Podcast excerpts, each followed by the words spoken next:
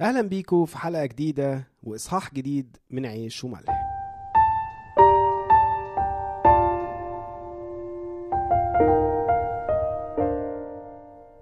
خلصنا آخر مرة الإصحاح السبعتاشر من سفر ملوك أول واللي حكالنا عن فترة إقامة إيليا عند أرملة صرفة صيدون. واللي شفنا إزاي ربنا عمل معاها معجزتين عظام. أول واحدة إن هو بارك في الدقيق والزيت اللي عندها عشان ما يخلصوش طول وقت المجاعة.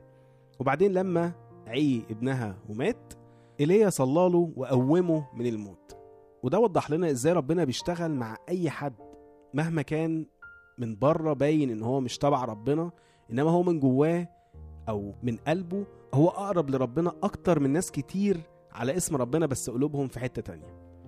بس حتى الناس دي ربنا برضو مش بينساهم وبيفضل يفتقدهم وده اللي هنشوفه في الإصحاح الجديد.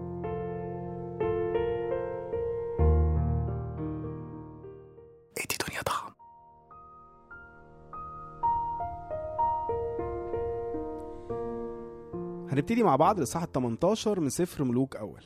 وبعد أيام كثيرة كان كلام الرب إلى إيليا في السنة الثالثة قائلا اذهب وتراءى لأخاب فأعطي مطرا على وجه الأرض.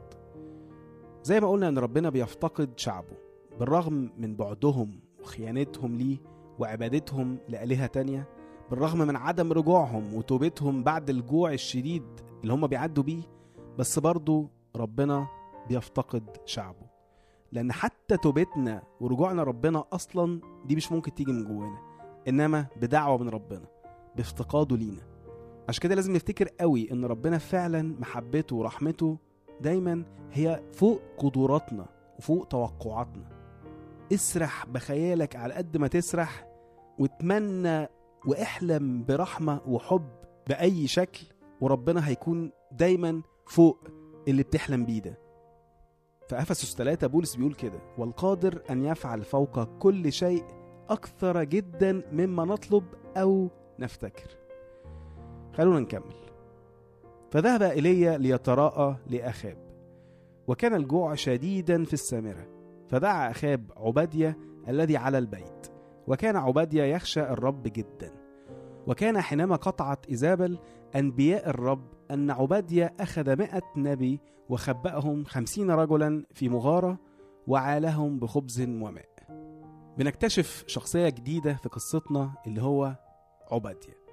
وبيحكي لنا الكتاب قصته ضمنا كده في وسط الأحداث. وبنشوف بقى إن إيزابل أو زي ما الكتاب بيقول عليها إيزابل مش بس كانت شريرة وبتعبد البعل لا واضح إنها كمان كانت مجنونة لأنها قتلت كل أنبياء الرب. اللي هو بمعنى أي حد بيدعو باسم ربنا كان بيتذبح. فعبادية ده بقى راح جاب 100 نبي من اللي فاضلين دول وخباهم في مغارة وبقى يبعت لهم أكل وشرب. قبل ما نكمل ونشوف حصل إيه حابب نتكلم شوية عن عبادية. هنلاقي إنه يعني في ثلاث حاجات أساسية مذكورة عن عبادية في الحتة اللي إحنا قريناها. أول حاجة إن هو يقول لنا عبادية الذي على البيت. يعني عبادية كان مسؤول عن بيت أخاب. وبعدين يقول لنا إنه كان يخشى الرب جدا. مش بيفكركوا الموضوع ده بحد. طبعا يوسف اللي كان جاي عبد في بيت فوتيفار وبعدين بسبب أمانته ونعمة ربنا عليه وصل إن هو يكون مسؤول عن كل حاجة في بيت فوتيفار لدرجة يقول لنا إنه ما كانش فوتيفار يعرف أي حاجة عن البيت غير الأكل اللي بياكله. وإحنا كنا اتكلمنا كتير بقى عن مفهوم النجاح إن هو كله بيتلخص إن ربنا يكون موجود مع الشخص. أي حد ربنا معاه فهو ناجح. حتى لو في وقت من الأوقات هو مش ناجح في نظر الناس إنما هو دايما في عينين ربنا ناجح. وده اللي يهمنا أو المفروض يهمنا. بس الحقيقة برضو مش ده اللي إحنا عايزين نتكلم عليه دلوقتي. إحنا عايزين نركز على حاجة تانية. لو أخدنا بالنا كده سواء فوتيفار أو أخاب وزي ما هنشوف بقى في أمثلة كتير بعد كده الملوك اللي دانيال اتعامل معاهم سواء داريوس أو نبوخذ نصر كل دول يعني سواء كانوا أشرار أو لأ بس على الأقل كلهم ما كانوش يعرفوا ربنا. ومنهم اللي كان بيقاوم ربنا بشكل عنيف زي أخاب كده. بس ربنا بيسمح أو بيرتب إن يكون شغلنا أو تعاملاتنا كأولاد ربنا يعني مع حد بعيد كل البعد عن ربنا. ومش بس الناس اللي بنشتغل معاهم لا اللي بنشتغل عندهم أو تحت إدارتهم.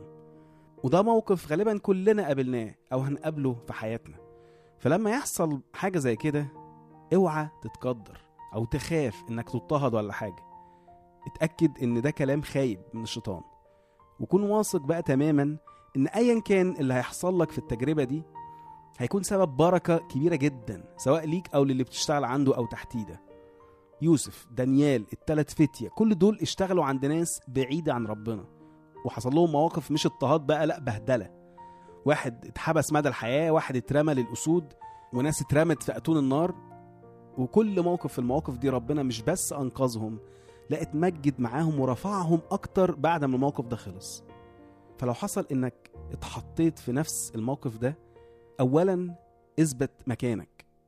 خليك مكانك عشان ربنا واخد باله وقاصد إنك تكون في المكان ده. ثانيا اطمن عشان ربنا هيديك نعمة في عينين كل الناس زي ما عمل مع أولاده قبل كده. ولو حصل أي موقف صعب هو برضه هيعمل زي ما عمل قبل كده وهينقذك منه وهيتمجد فيه. وثالثا طبعا النتيجة إن أنت لازم تنبسط. عشان ربنا اختارك أنت إنك تكون السفير بتاعه عند الشخص ده. وعشان تكون سبب للمصالحة بين الشخص ده وبين ربنا. بولس بيقول كده في كورنثوس الثانية صح الخامس عدد عشرين.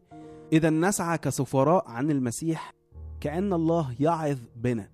نطلب عن المسيح تصالحوا مع الله. نكمل. وقال أخاب لعبادية اذهب في الأرض إلى جميع عيون الماء وإلى جميع الأودية لعلنا نجد عشبا فنحيي الخيل والبغال ولا نعدم البهائم كلها. فقسم بينهم الأرض ليعبر بها. فذهب أخاب في طريق واحد وحده وذهب عبادية في طريق آخر وحده. طبعا بيبان هنا مدى أنانية أخاب ودي حاجة متوقعة يعني. الناس بتموت مش لاقية تاكل وهو بيستخدم كل سلطاته والناس بتاعته إن هو يشوف أماكن فيها عشب ومية للخيل والبهايم بتاعته.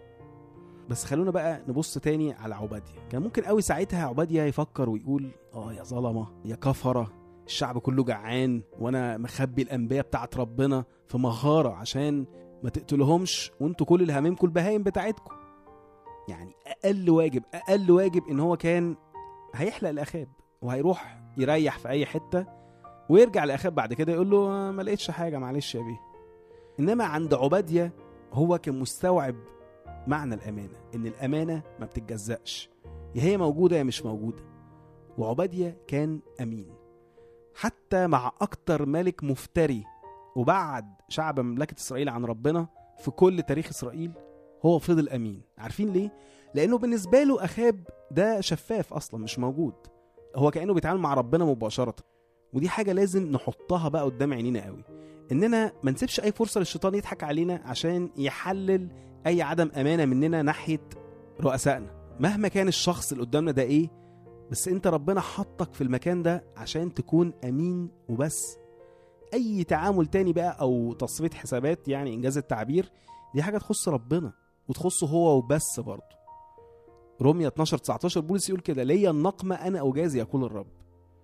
مش موضوعنا بقى مش مشكلتنا دي حاجة تخص ربنا. أي حسابات بقى دي ما تخصناش دي تخص ربنا. مش بس بقى ربنا عايزنا نكون أمنا في شغلنا إنما كمان في تعاملاتنا مع الرؤساء دول. مش بس من قدامهم لأ كمان من ورا ظهرهم. ومش بس بقى من ورا ظهرهم لأ وجوانا إحنا كمان جوه قلوبنا. ربنا عايزنا نتعامل معاهم بنفس الشفافية اللي بنتعامل بيها معاه هو شخصيا. هنلاقي نفس الكلام ده بولس قايله في أفسس 6 وفي كولوسي 3 الاثنين هنقرأ كده من كولوسي 3 أعداد 22 ل 25 أيها العبيد يعني باعتبار إن أي حد بيشتغل عند حد أو تحت سلطان حد فهو عبد ولو يعني مضايقكوا عبيد قولوا أي حاجة. أيها الموظفين أطيعوا في كل شيء سادتكم حسب الجسد لا بخدمة العين كمان يرضي الناس بل ببساطة القلب خائفين الرب. وكل ما فعلتم فاعملوا من القلب كما للرب ليس للناس.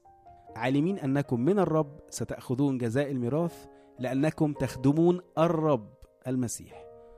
وأما الظالم فسينال ما ظلم به وليس محاباة. يعني كلام واضح ومش عايز تعليق كتير. نفسي نحاول كده قبل ما ننزل شغلنا كل يوم إن إحنا نقرأ الحتة دي. أو يعني على الأقل نفكر فيها. ونفتكرها افتكر الأمانة اللي عليك افتكر المسؤولية اللي عليك وإنك ولو كان من براك موظف أو حتى عبد إنما أنت قدام ربنا سفير. نشوفكم الحلقة الجاية. راديو ملاح تا